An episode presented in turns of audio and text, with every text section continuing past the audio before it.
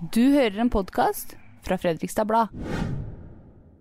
Hanna Berg har gått fra å være helt anonym til en markant politiker i Fredrikstad på rekordtid. Hun er Fredrikstads første bystyrepolitiker fra partiet Rødt, men sa nylig til Fredrikstad Blad at hun syns lokalpolitikken er ganske døll. Eller var det fake news? Velkommen til Fredrikstad Blads nyhetspodkast Hør her. I studio sitter Randi Christoffersen og meg, René Svendsen. Og hva mente jeg egentlig med fake news? Jo, Hanna, du skrev på Facebook etter det portrettintervjuet i Fredrikstad Blad, der du sier at politikken er kjedelig, at du egentlig liker bystyrejobben innmari godt. Hva er det som stemmer her, da? Eh, begge deler stemmer. Hei, forresten. eh, jo, nei, det stemmer begge deler. Fordi at eh, når vi hadde portrettintervjuet, så snakka vi mye om det første inntrykket. At jeg syntes det var forferdelig kjedelig med det første bystyremøtet, og hvordan det var lagt opp. Og den byråkratiske prosessen lokalpolitikken er. Men jeg syns jo det er innmari gøy å drive med politikk, og få lov til å møte folk og være der ute eh, og krangle litt og sånne type ting. Da. Så det er jo begge deler. Det er givende, men jeg skulle ønske det hadde vært litt mer dynamisk, litt mer ja, sprengstoff i det. Det blir mye sakspapirer, og det var jeg ikke helt forberedt på. Vi skal snakke mye om politikk, men eh, for at vi skal få vite litt mer om hvem du er, hva ville stått, eller står, på Tinder-profilen til Hanna Berg? Ja, på Tinder-profilen. Et godt spørsmål. Eh, en plattform jeg tror kanskje ikke hadde vært så veldig aktiv på. Eh, nei, det ville ikke vært en masse friluftsbilder, da, sånn som veldig mange har. Eh, ville kanskje heller vært konsertbilder, da, og sånt. Og jeg vet ikke. Nei, kanskje en, en morsom setning vært sikkert den typen som hadde lagt til en sånn gimmick eller noe. Ikke vært sånn eh, jente 28 søker dette, dette, dette. I hvert fall ikke lagt ut sånn ja, interessert i fast forhold og skal gifte meg og disse tingene her. Men jeg vet ikke helt egentlig hva. Du ville vært litt eh, hemmelighetsfull? Du sier? Ja, jeg er veldig glad i privatlivet mitt. Jeg syns det er veldig Det er en rar overgang da, å skulle være offentlig, i hvert fall. Det syns jeg har vært en um, ja, en spennende Nei, det har egentlig vært litt skummelt. Det er mest skummelt. Men er det vanskelig å skille det der å være personlig, men ikke privat? Ja, det syns jeg. For det Veldig mye av det personlige er jo ganske privat, da.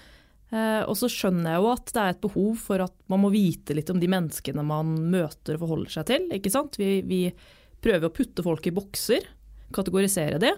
Så hvis det er noen du ikke klarer helt å sette i boks, så er jo det kanskje litt Eh, skummelt det òg, da. Eller du vet ikke helt hvor du har de.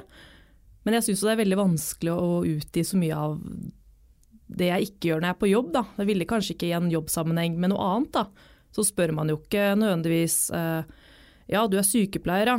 Eh, men hvorfor driver du med surfing? Eller gjør du det? Altså, man har ikke nødvendigvis de relasjonene da, i andre typer yrker. Vi hopper tilbake til politikken, vi. Ja. Rødt fikk 5% av stemmene i Fredrikstad ved forrige valg og raste inn med tre representanter i bystyret. Og du sitter jo som den eneste fra Rødt i formannskapet, som jo er det viktigste politiske verkstedet vi har her i byen. Og nå skal jeg dra fram en terning, Hanna. Jeg skal ikke kaste den. Men hvilken eh, terningkast ville du gi til deg selv nå, etter ett år? Ja, det er spennende, da. Mm, ja, jeg må jo tenke at jeg får litt, uh, litt slack fordi at jeg er helt fersk. Det syns jeg er i hvert fall sympatisk. Man må se ut ifra hvor man er ferdighetsmessig og slike ting. Um, men så kunne jeg jo sikkert vært mye tydeligere. Det er i hvert uh, det inntrykket jeg har av hva folk forventer av Rødt, så er det jo sånn at det skal være de som bråker fælt og styrer og maser. Og så har jeg kanskje ikke vært Jeg har vært mer opptatt av dialogen enn uh, en bråkinga.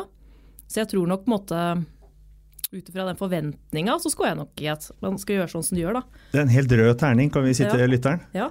Helt Nå liksom holder Hanna den middag, røde terningen. Ja. Og surrer den rundt. Og jeg ville gitt meg selv terningkast fire. Fire, det kjedeligste terningkastet. Ja. Det forteller jo ingenting. Nei, det er nettopp det. Er det, Er det falsk beskjedenhet, eller hva er det? Nei, jeg tror det er ganske genuin.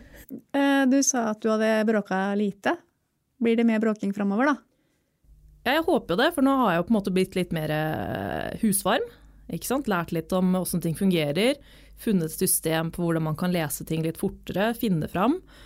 Eh, så nå er jo på en måte læretida litt over. Nå skal jeg ta fagbrev i politikken, og da krever det litt mer. Men når du ser tilbake på det året her, eh, hva er du mest stolt av å ha fått gjennomført? Åh, um, ja, hvor begynner man? Jeg er veldig fornøyd med at vi har fått starta en prosess med at vi skal få gjort noe med boligpolitikken. Selv om det liksom ikke har kommet noe konkret ut av det ennå, så er jeg glad for at vi har klart å endre den holdningen til at her er det veldig mye som ikke fungerer, nå må vi ta tak. Det var ikke en selvfølge, eh, og det skal vi jobbe mye med. Men det tenker jeg er den sånn store, sånn overordna tingen da, som kan bli viktig på sikt. I Rødt snakker dere om det, den tredje boligsektoren. Eh, hva er det for noe?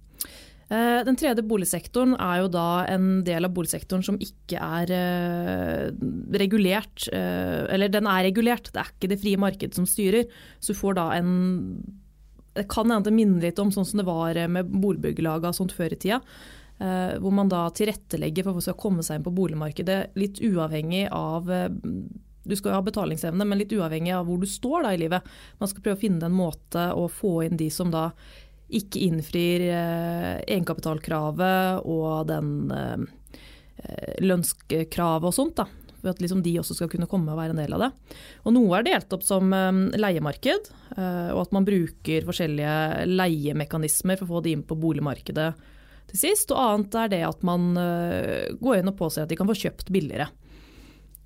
Så ja, er det mange forskjellige modeller, da. Men det handler om det å, å gi, skape den sektoren for de som i dag ikke kvalifiserer til huslånbank, men som heller ikke har den eh, kjøpekraften da, som trengs å være på det vanlige boligmarkedet. Kommer vi til å se en tredje boligsektor i Fredrikstad? Ja. det må vi jo, hvis ikke så Men om vi ser det denne perioden, det tror jeg er vanskelig, for det må nok litt mer ting til. Men at vi skal få til det på sikt, ja, ja det kan jeg jo bare slutte, hvis ikke vi får til det. Tilbake til terningen. Er det en politiker i Fredrikstad du mener fortjener en sekser? Om ikke man skal Ja, jo. Jo, for så vidt. Jeg syns Erik har gjort en helt fantastisk jobb som ny gruppeleder for Miljøpartiet. Han er jo ikke like fersk som meg i politikken, men han er fersk i politikken i Fredrikstad. Og han har gjort en veldig tydelig og god jobb og vært veldig tydelig på det miljømessige i mange saker og liksom fått fram det som sikkert veldig mange ser på som god miljøpartipolitikk. Da. Eh, og så er han utrolig samlende. Han er flink til å snakke med både høyresida og flink til å snakke med oss i samarbeidet. Så han gjør en veldig god innsats. Eh, og så er han utrolig flink til å være der ute da, og snakke med andre folk. Så han eh, må få toppkarakter. Erik Skauen, altså i MDG. En hilsen til han eh, her altså, fra deg? ja, når ikke jeg ser ham på kontoret, så. Eh, men har, eh, Rødt har jo fått større makt i Fredrikstad via samarbeid med Arbeiderpartiet, primært. Samtidig så utspiller det seg nå et, sånn, slags sånn maktspill mellom Ap-leder Jonas Gahr Støre og Bjørnar Moxnes i ditt eget parti, sånn ett år før stortingsvalget. Hvordan er eh, samarbeidsklimaet her lokalt mellom eh, deg og Jon Ivar Nygaard? Er det bedre enn eh, det som, sånn som det ser ut mellom Støre og Moxnes akkurat nå? Ja, det vil jeg jo si. det er ikke dytte under en stol. Nei, vi har et veldig godt samarbeidsklima her i Fredrikstad, syns jeg. Både i, i posisjon, da, men jeg syns også at vi prater veldig godt med andre partier nå. Og så klart så utspiller seg jo litt sånn det må være litt drama ute i spalten og sånt inniblant. Eh, men det er en veldig god tone. På rådhuset så er jo veldig sånn alle er på hils. Det er ikke sånn at man, man kan krangle litt, da, men så skjønner man at det er en jobb. Da. At vi har en jobb å gjøre, at vi har forskjellige utgangspunkt. Og så er man venner etterpå. Og så tror jeg jo på mange måter at kanskje det er lettere å samarbeide i lokalpolitikken.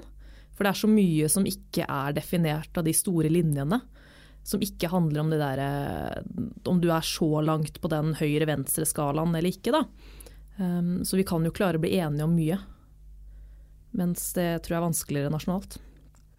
Og da så du kanskje lesebrevet i Fredrikstad Blad der eh, da din gode samarbeidspartner Jon Ivar Nygaard eh, blir utpekt til vår lokale Donald Trump. Du som syns politikken kan være litt kjedelig innimellom, da. Sånne utspill syns vel du er litt stas Blir litt temperatur, eller? Eh, nei, jeg syns ikke sånt er stas i det hele tatt. Jeg syns det fjerner fokuset fra det vi egentlig skal snakke om, da, som er politikk. Det blir bare det blir en sånn polarisering da, som ikke jeg liker. Jeg er glad i at det skal være dynamisk, men jeg vil ikke ha krangling for kranglingens skyld, og jeg vil ikke ha drittslenging. Eh, vi må på en måte klare å snakke om, om det det faktisk gjelder. Da.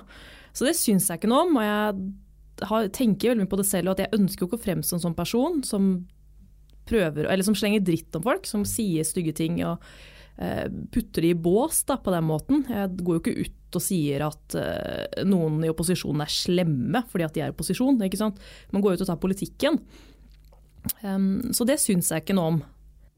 Hvor ille er det egentlig å bli sammenligna med Donald Trump? Han er jo lederen i det som i hvert fall har vært verdens mektigste land i store deler av den moderne tid.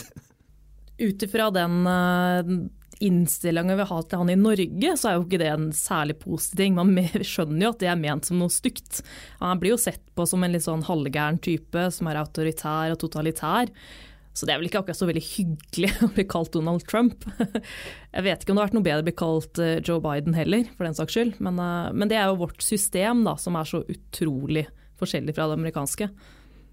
Tror du, tror du, vi kommer eh, dit igjen hvor det faktisk er stas å bli sammenligna med USAs president? Der tror jeg vi har en lang vei å gå. og så er det vel noen kretser hvor det aldri har vært så stas heller. Jeg tror ikke det hadde vært noe positivt i, i mitt parti, da, uansett nesten hvem som hadde styrt. Selv ikke Obama f.eks.? Nei, ikke Obama heller. Han er ikke så veldig godt likt ja, hos oss, da.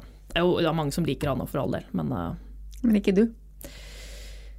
Jeg syns Obama var viktig for USA på mange måter, så er ikke jeg noen spesialist på amerikansk politikk. Eh, men det har jo også vært mye krigføring under han, og det har jo ikke vært sånn at man har klart å snu de trendene, da, selv om man har prøvd i en viss grad. Det er jo fortsatt økende ulikheter i USA, og det var det jo sikkert også under han. Så han har vel ikke vært eh, Han er bedre enn Trump, men han er jo ikke noe helgen for det. Det er jo dårlig sammenligningsgrunnlag. helt uh, nytt tema. Du er ung uh, kvinne i partiet Rødt, som ja, jeg vil påstå kanskje tydeligst profilerte feministpartiet i Norge. så lurer jeg på, selv om det er hypotetisk, da. Ville Trond Giske, hvis han hadde tilhørt Rødt, ville han fått en ny sjanse etter så kort tid som det valgkomiteen i Trøndelag Ap nå gir Trond Giske? Giske, ja. Jeg syns jo det er vanskelig, for jeg kjenner jo ikke eh, alle sakene der så godt. Men jeg, jeg håper jo at man hadde tatt en litt lengre runde. At ikke det bare var å trekke seg ut av rikspolitikken og så hoppe inn uh, mer regionalt eller lokalt. Uh, og det er jo ikke bare Giske som har gjort det, det ser vi jo på disse her fra Høyre som ble sendt ut. og sånt, og at man liksom man kommer hjem til hjemfylket sitt, og så er det liksom greit, fordi at du var en real kar. Sånn som ja, de kjenner deg, da. Og så tror jeg vi må være litt eh, Det er kanskje et problem i politikken i det hele tatt, at vi er så personfokusert. Så vi tror liksom at ikke vi ikke klarer oss uten de superstjernene. Eh, og der har vi et problem, hvis det skal bli på en måte bare personfokus i politikken. Da. At ikke et parti skal klare seg uten én mann eller én dame. Det er ikke et sunnhetstegn. Um, så jeg håper jo og tror, da, men jeg vet jo ikke om det hadde vært annerledes hos oss heller. Men politikken ville kanskje vært mye kjedeligere uten disse superstjernene? Jeg tror at vi trenger de for å realitere oss til de. Eh, vi er jo veldig enkle mennesker sånn sett. Vi må jo liksom se noen og kjenne oss igjen i de og sånne ting. Men eh, jeg tror på mange måter at det fjerner fokuser og de kampene vi prøver å vinne og den diskusjonen vi prøver å ha. Da, ved at det bare er sånn. For det er jo mye sånn å nei, eh, Venstre er et dumt parti fordi jeg liker ikke Trine, eller å Jonas er ikke en god mann for Arbeiderpartiet for han er rik. Og så blir det bare det som er fokus da, istedenfor politikken. Og da får man jo heller ikke vist fram da, de fine sakene. Og så er det litt sånn urettferdig at det skal kun gå på hvor karismatisk du er. da. At liksom sånn eh, mange snakker om eh, Moxnes-effekten i Rødt. Da, at han er en sånn superstjerne, veldig flink i media og sånt. Men så har han jo et stort team bak seg som han er helt avhengig av da, for å skinne. Det er klart at han er talent, men han trenger jo disse nestlederne sine og partiorganisasjonen nå for å få til alt dette her. Og det er kanskje ikke flinke nok da, til å hente fram de, ja, de heltene i bakgrunnen. da. Det har vært i eh, de siste dagene og ukene flere episoder med eh, voldelige motdemonstrasjoner mot eh, den innvandringsfiendtlige organisasjonen Sian. I de sammenhengene så har eh, Rødt vært til stede. Eh, enkelte Rødt-politikere har i ettertid, om ikke forsvart, så i hvert fall ikke tatt veldig avstand fra den volden som har blitt utført av motdemonstrantene. Eh, hva tenker du om det, og de påstandene som er nå at her blir på en måte ytre venstre like ille som ytre høyre? Det er jo et uh, ganske kjent sånt narrativ, da. At man setter jo alltid de opp mot hverandre. Um, jeg tenker først og fremst det er helt Det vil bare poengtere at jeg tar full avstand fra volden, og tenker at vold er ikke greit i noen sammenheng, eller i hvert fall ikke demokratiske land, hvor vi på en måte skal ha et rettsvesen som ivaretar oss, og det skal være andre muligheter, andre kanaler. Men jeg kan heller ikke som hvit, privilegert kvinne sitte med sånn moralsk pekefinger og si at, at eh, alt er ungdom sin skyld. At disse ungdommene, da, det er, for det har jo vært ungdommer, det er folk fra 13 til 17 som har blitt arrestert for dette her. At det er de som på en måte må ta det fulle hele ansvaret. Det føler jeg som er å, å, dytte de foran oss, for det ligger jo noe mer bak, tenker jeg da. Dette her er ungdommer som møter stigmatisering i oppveksten sin, som ikke eh, blir sett, ikke blir hørt på vanlig vis. Som går med en sånn en uro, en redsel for at ikke de hører til. Eh, og så finner de på en måte Det blir litt den eneste måten de har å agere på, da. Og så skal vi sitte der og si at nå må dere skjerpe dere, det fører ikke noe vei. Nei, det gjør ikke det. Men det er jo veldig typisk da, at når folk ikke føler de har noen annen ut, utvei, da, så gjør de disse tingene. Så jeg tror vi må være litt forsiktige med å liksom bare fordømme uten å forstå. Vi må prøve å forstå, prøve å Ok, hvorfor gjør ungdom dette her? Eh, hvorfor er det sånn at, eh, at mange som kanskje er tilknytta ytre venstre, bruker de midlene de gjør? Da? Og det tror jeg nettopp handler om den fremmedgjøringa i samfunnet. At de føler at de står på utsiden, de blir ikke sett, blir ikke hørt, blir ikke tatt på alvor. Og så blir det litt eneste utvei. Og så er det fortsatt ikke greit. Men jeg tror vi ikke bare skal legge ansvaret på de. Vi må ja, plassere skylden litt bredere, da. Men mener du at de egentlig ikke har noe politisk ståsted, men at de egentlig bare vil ut og slåss? Nei, men jeg tror at veldig mange som er eh, voldelige, da, de kanskje, mange av de har kanskje en litt lik bakgrunn, eller eh, sliter med litt de samme tingene. Uansett om de er på ytre høyre eller ytre venstre. Um, jeg tror du ville sett mange likhetstegn, kanskje også en del ungdomsmiljøer, uh, andre typer ungdomsmiljøer da, enn en bare disse her. Um, men så er ikke jeg heller noe ekspert på dette her, men det er liksom det inntrykket jeg får. da, Og jeg får egentlig lyst til, å, til at man istedenfor at man skal gå ut og kjefte, ta heller ja, ta de inn, da. Prøve å løse det på et eller annet vis. Um, og så må det sies at her har det vært noen motdemonstrasjoner uh, hvor det egentlig har vært eh, Politiet har gitt beskjed om at ikke man kunne ha dem, motdemonstrasjoner, og hvor det ikke har vært organisert på samme måte. og Da slipper jo disse kreftene til. Da. Hadde man kanskje hatt en uh, organisert demonstrasjon av voksne, da, så hadde kanskje ting blitt gjort annerledes. Kanskje man hadde klart å holde det igjen, kanskje man hadde klart å, å, å fått et annet utfall. Da. Vi har hatt noen veldig vellykka uh, demonstrasjoner her. Det har jo bare vært fint, men klart det er jo ikke noe hyggelig når det står en voksen mann eller dame og roper til deg at 'jeg ønsker at du blir gjengvoldtatt', eller 'kom deg ut av landet mitt' og sånt. Det er jo, noe, det er jo veldig provoserende. Og veldig mange av disse her tror jeg ungdommene møter det jo, ikke bare på sånne demonstrasjoner, men de møter det jo på gata ellers òg. Kampen mot eh, forskjellssamfunnet det er Rødts eh, viktigste sak. Um, og da koronaen kom til Norge, så var det folk fra beste vestkant i Oslo som hadde vært på skiferie i Alpene, som tok den med seg. Noen uker senere så blussa smitten opp i innvandringsmiljøene på østkanten av Oslo. Og da var det noen som hevda at ja, nå er det vaskehjelpene og barnevaktene til de smitta på vestkanten, som uh, tar med seg smitten hjem til familiene sine. Hva tenker du om det bildet på Norge anno 2020? Ja, hva jeg tenker om det? Um, det er jo en viss sannhet i det.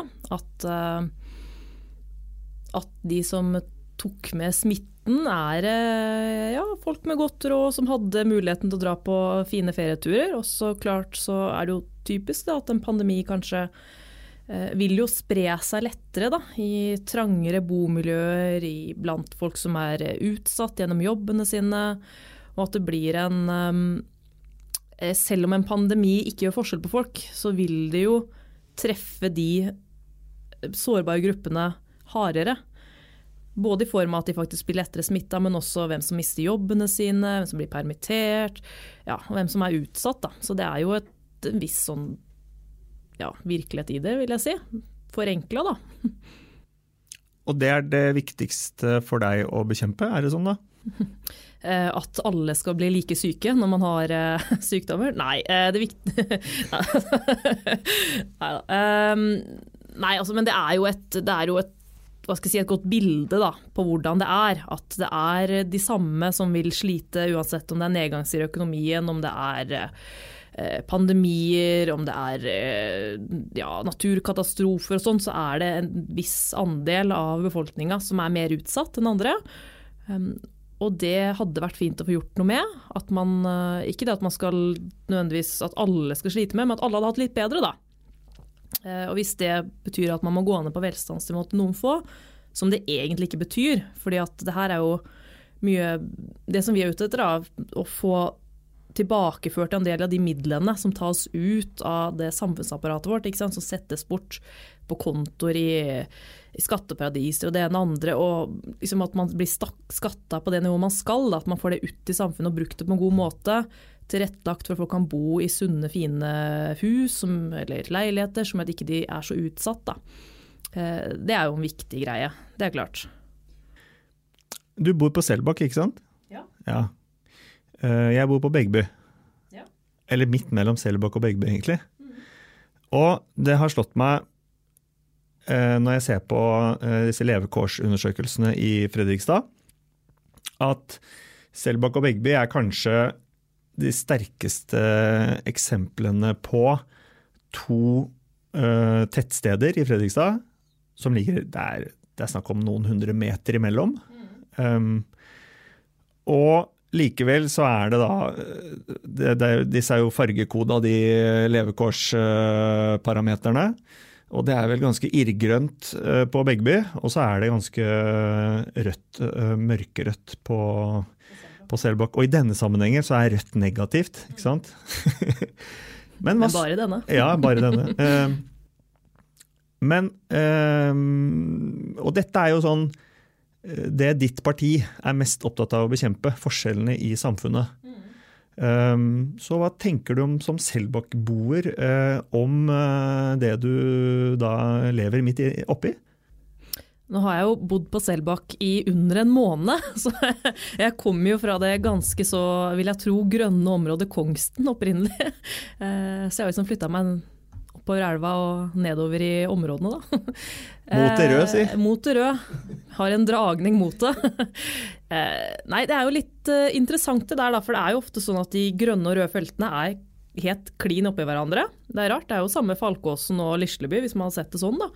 Eh, og sikkert samme med deler av byen. Holmen, og så har du Ja, Trosvik er vel litt sånn både òg, tror jeg. Men eh, Eh, så de ligger jo ofte ganske tett oppå hverandre, og det er jo ikke noe problem at det er sånn at, at noen steder så bor det eh, folk som har god råd, og så andre steder så vil det jo bo folk som har litt mindre god råd. Men det er de veldig tydelige skillene som er problem, for da vil man jo få eh, det får ringvirkninger andre steder i samfunnet. Du får A- og B-skoler, du får liksom som klikker, og du ser aldri kanskje noen som har fullført skolen, så du blir kanskje ikke inspirert til å gjøre det selv, eller motsatt. Du har aldri opplevd og har dårlig råd, så har ikke sympati for de som har dårlig råd. At vi får veldig sånn vi får litt segregert samfunn av det. da. Og det er jo ikke positivt. Jeg tror det er veldig mye å lære av å, å møte folk som ikke er helt like oss selv. Foretrekker du å bli kalt kommunist eller sosialist? Det kommer litt an på hvem som spør. Nei, jeg foretrekker sosialist. Jeg føler meg mer hjemme i det begrepet. Hvis Bjørnar Moxnes spør, hva sier du da? Da tror jeg også jeg sier sosialist. Sier mot sjefen. Men jeg vet jo hva det folk legger i begrepet, at det er mye negativt lada i kommunist. eh, Og det fortsatt, for så vidt er de sosialist òg, da. Ut fra et historisk perspektiv, og at man ser for seg noen sånne regimer da, som ikke er så veldig positive. Så jeg, jeg skjønner jo på en måte ofte hvor folk går med de, med de orda og uttrykka. Mm. Men når det kommer til den teoretiske biten om at vi må gjøre noe med forskjellene, og at folk må få mer eierskap til livene sine og til arbeidet sitt og sånt, så, så er jeg jo veldig tydelig på hvor jeg står. Og det, det er jo det som er den teoretiske biten innenfor sosialismen og sånt. Da. Så den er jo I de rette kretser så er jo ikke det et, et negativt lada ord, eh, men kanskje en sånn historisk kontekst. Så jeg vil gjerne da gjerne spør jeg alltid når folk spør hva er det du er, eller er du sosialist, er du kommunist, så hva mener du med det? For det er liksom det vesentlige. Trenger vi kommunisme? Jeg tror vi trenger at det er noen som eh, setter veldig fokuset på, på det økonomiske aspektet ved at eh, ting går som det går. At ikke alt handler om eh, hva du og jeg som det får til, men at det er en del strukturelle forskjeller da, som gjør at ikke vi klarer å, å lykkes, kanskje. Um, og det, da må man ha et sånt parti som har veldig den teoretiske Eller det fokuset da, på det, vil jeg tro. Um, uten at det nødvendigvis må være at man er kommunist. Det er mye, mye bra blant sosialdemokrater og miljøaktivister, og, og, sikkert i det konservative og sånt òg, men jeg, jeg, tror det er viktig å sette litt fokus på at det er en, en stor økonomisk ubalanse.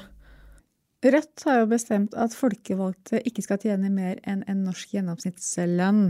Det betyr at du betaler 5000 kroner i måneden i partiskatt. Yes. Antar at det er en skatt du betaler med glede. Ja, da. Men er du ikke redd for at partiskatt for politikere og fagforeningsledere, for dere vil jo også ha det, kan være fare for demokratiet? Fordi at eh, færre vil eh, orke å ta på seg en sånn jobb? Jo, men så kan man heller si da, er det, er det lønna som gjør at ikke du orker å ta på deg jobben, eller er det jobben som gjør det? Eh, jeg tror at jeg hadde gladelig, selv om lønna mi har vært lavere, da, gjort det jeg gjør, selv om det er veldig tungt, for jeg brenner veldig for det. Men jeg skjønner jo at hvis du kommer uh, fra et uh, veldig møblert hjem og er vant med å tjene mange millioner, så er ikke politikk særlig lukrativt. Det har jeg full forståelse for, men så er jo det en bitte liten andel av befolkninga. Og det er jo det som er noe av det vi prøver å poengtere med det her, at politikere altså på Stortinget da tjener ganske mye mer da, enn en vanlig lønnstaker gjør. Så du havner faktisk innenfor det segmentet av befolkningen som er de 10% rikeste. Og det er jo ikke særlig representativt. Da er det jo 90% da, som tjener dårligere enn det. Um, og det tenker jeg som det er viktig å poengtere, da, at vi, vi, viser jo ikke på en måte de Eller vi, det blir veldig lett å motivere seg å bli politiker for at du kanskje tjener mer for en del, da. Uh, men så vil du aldri helt forstå som politiker heller hva de som tjener 300 000 i året og sliter for det og med skiftarbeid og sånt, heller hva de føler på. Og jeg tror det er viktig å om ikke man nødvendigvis skal stå i samme situasjon som alle andre hele tiden, så tror jeg det er litt viktig å ha litt forståelse for hvor de kommer fra. Da. Og det, vi glemmer veldig fort hvor vi kommer fra når vi når en viss status og sånt. Vi tar til oss nye vaner og måter å leve på, får nye venner og sånt. Og da blir det lett å glemme da, disse andre. Tror at, ja, men Er det så farlig? Kan de ikke bare kjøpe seg det huset til tre millioner? Nei, det er veldig mange som ikke kan det. Eh, du har tidligere sagt at du ønsker deg valgkampstemning hele året. Har du tenkt å gjøre noe for å få, polit for å få politikken ut i Fredstadgatene? Ja, det jobber jeg med nå. Finne ut av hvordan vi skal få til det. Eh, nå sto vi på stand forrige helg, og skal stå på stand den helgen som kommer nå. I gågata? I gågata. Ja, vi får ikke være på gå i gågata lenger. Vi er forvist ned til Flesketorget. Eh, det er jo alle politikere gjort nå. Um, så prøver jeg å organisere Kanskje vi skulle prøve å få stått alle politikerne en eller annen gang. Kanskje man skulle fått til en sånn halvtårsgreie, at en gang på høsten, en gang på våren, så kunne du på en måte ha sånn jeg vet ikke, ja, drop-in eller kom på torget og snakk med alle politikerne. Litt sånn som de har yrkesfagskonferanser og sånn type ting. da, liksom Kom og snakk med de, vis uh, hva dere bryr dere om. Og så prøver vi å finne noen andre arenaer. Jeg hadde jo liksom noen forhåpninger om å være veldig lett tilgjengelig. Nå har jo koronaen satt litt bremser på hva man kan gjøre og ikke gjøre. Og så har det åpnet seg nye muligheter, men jeg tror det er veldig viktig å være synlig. Jeg tror ikke det hjelper å bare være synlig på nett, for det er jo også ekskluderende for en del. da. Så det er å, Jeg vet ikke om man skal stå rett opp og ned i gågata eller hva man skal gjøre for noe, men å prøve å finne noen sånne arenaer hvor man kan møte folk og prate med dem.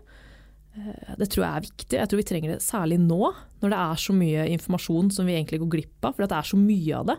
Det er ikke lett å sile ut. Eh, byråkratiet i politikken er jo det er så tungt og vanskelig.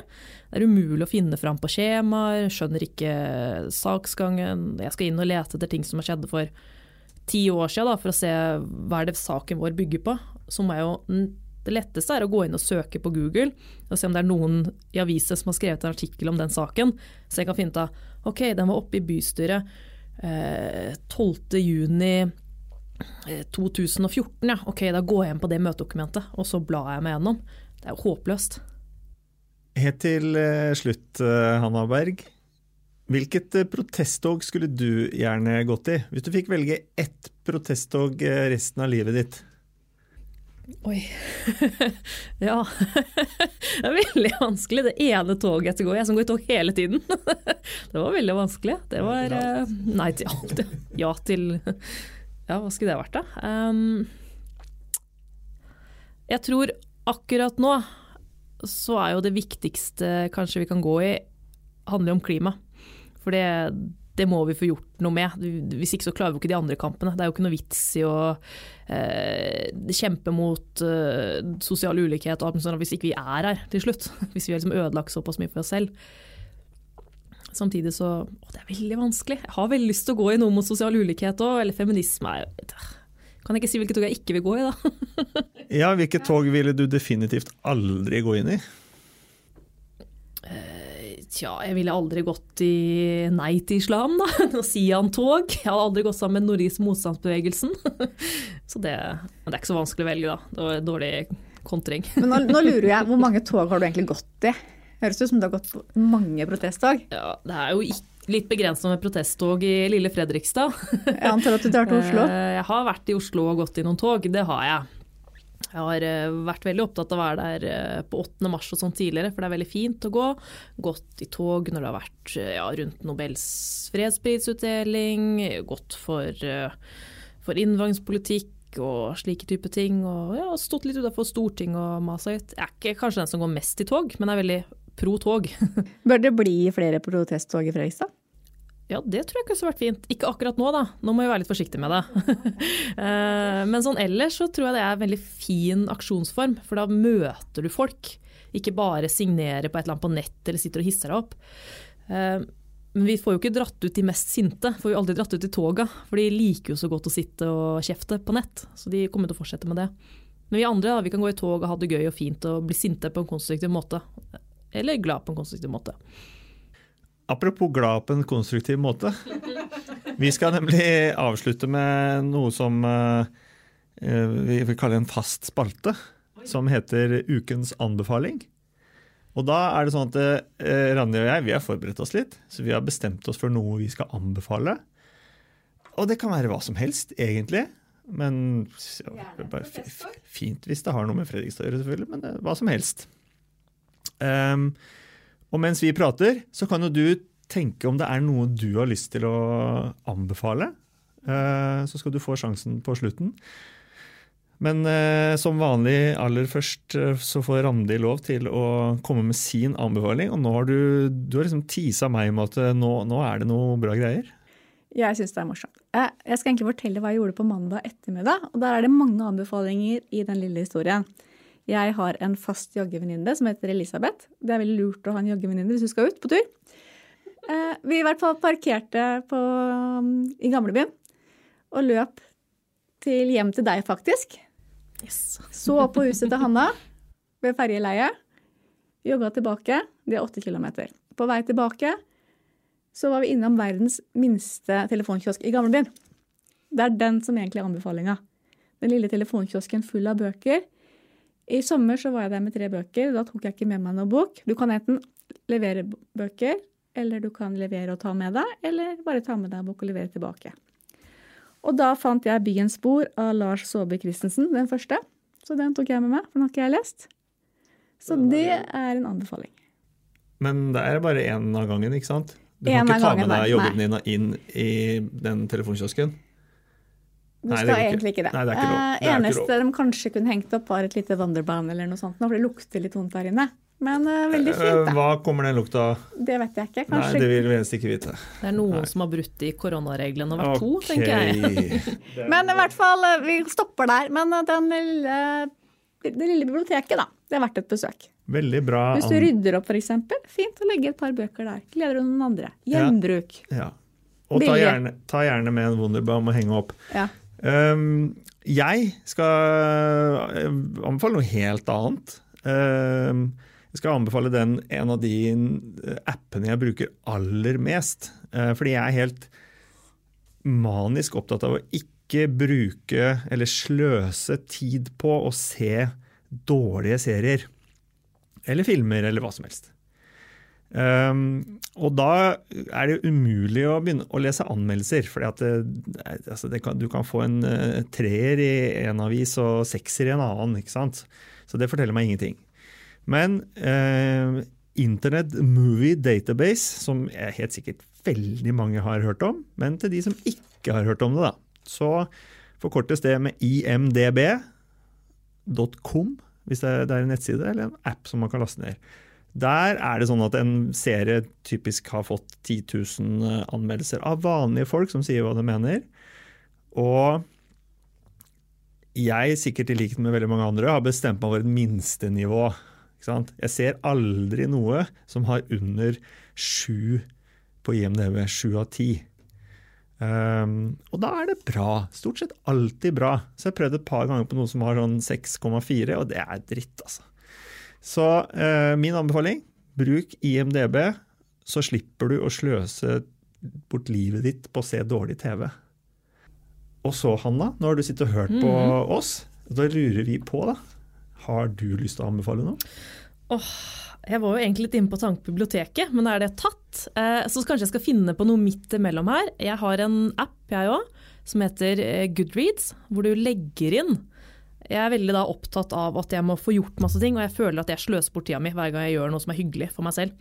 Eh, For jeg har liksom ikke tid til det. Jeg sitter med konstant dårlig samvittighet for at å, jeg kan sikkert alltid lese noen sakspapirer eller skrive et innlegg. Eh, Når har du gjør noe ja, når jeg gjør noe Unnskyld, koselig. jeg lover Ja. ikke å avbryte deg, det var jo enige på på Ja. forhånd. Men du får dårlig samvittighet når du gjør noe hyggelig for deg selv. Ja, Hvor gammel er du? jeg- er 28. Ja. Ok. Ja, det er kanskje noe generasjon, prestasjon, flink pike-syndrom eller et eller annet. Men jeg får veldig dårlig samvittighet. Jeg skjønner det er lurt å slappe av, se en god film, se en god serie. Eh, Men jeg klarer ikke helt å roe meg ned med det. Fordi at det er alltid noe jobb man kunne gjort. Det, er, det å være politiker er litt som å være student. Du kunne alltid lest litt mer til denne eksamen. Så det er helt grusomt. Så jeg anbefaler ikke det til noen. jo da. Nei da, det er veldig fint da. Eh, Men min anbefaling er jo da at jeg har denne, ja, nei, denne Goodreads-appen, da. Som da, hvor man kan legge inn en leseutfordring for seg selv. Hvor du legger inn et visst antall bøker som du skal lese i løpet av et år. Og så forteller den deg om du ligger foran eller bak eh, hvor du må være for å klare målet ditt. Og da har jo lesinga gått så fint, for da føles det ut som at vet du hva, jeg gjør noe nyttig nå, for jeg skal jo søren meg lese de 35 bøkene jeg har satt meg i løpet av året. Så nå må jeg bare sette meg ned og kose meg ned og lese den boka. Så jeg tvinger meg selv til å liksom få sette dette her hygget inn i et system. Sikkert ikke sunt, det er sikkert noe som bør det vært eh, Kanskje jeg må på sånn, eh, ja, sånn avslapningstur til yoga retreat et eller annet sted. Ja, yoga er ikke noe du bruker Jo, så mye. jo da. Du gjør det òg, Ja, driver med yoga. men da leser du bok samtidig, da? eller? Nei, det er ve veld, veldig fornuftig å drive med yoga, for det er bra for kroppen. Og hvis ikke kroppen virker, så er det vanskelig å ha et hode som virker. Så det er fornuftig. Eh, Men det å sette seg ned og bare slappe av og kose seg, det er litt vanskelig. Eh, Det må være en eh, greie bak det. Men den appen har hjulpet meg da, til å sette meg ned og slappe av og lese bøker. Men Hanna, kjempe, takk for kjempefin anbefaling. Altså, Da skal jeg avslutte som, en, uh, uh, som den eldste personen her, da. Eller Nei, er du jeg er faktisk ti dager eldre enn deg, eller. Ti Så- dager, ja. Ok, Så jeg må avslutte, egentlig. ja, ok. Nei, For jeg hadde lyst til å si, da, som uh, den nest, eldste, nest eldste her, at jeg syns du skal slappe av litt med god samvittighet uh, framover. Ikke sånn kjempemye, da, for vi, vi, vi ønsker å se deg aktiv i politikken. Men, øh, men jeg, jeg tror du kan gjøre det. Og som den eldste her, så henger jeg meg på. Det er Ja. veldig lurt. Det er lurt å slappe av. Veldig det er lurt å felles anbefaling Hvor hvor mye alle slapper du av, Randi, sånn i snitt på en dag? Um, tja. Litt for lite, kanskje? Ja. Nei, ja. Jeg tror vi Vi alle gjør stopper det. der jeg nå, tror jeg. Ja. Tusen takk for uh, besøket. Hanna. Berg, eh, bystyrepolitiker for øh, Rødt. Lykke til videre. Du har akkurat hørt en podkast fra Fredrikstad Blad.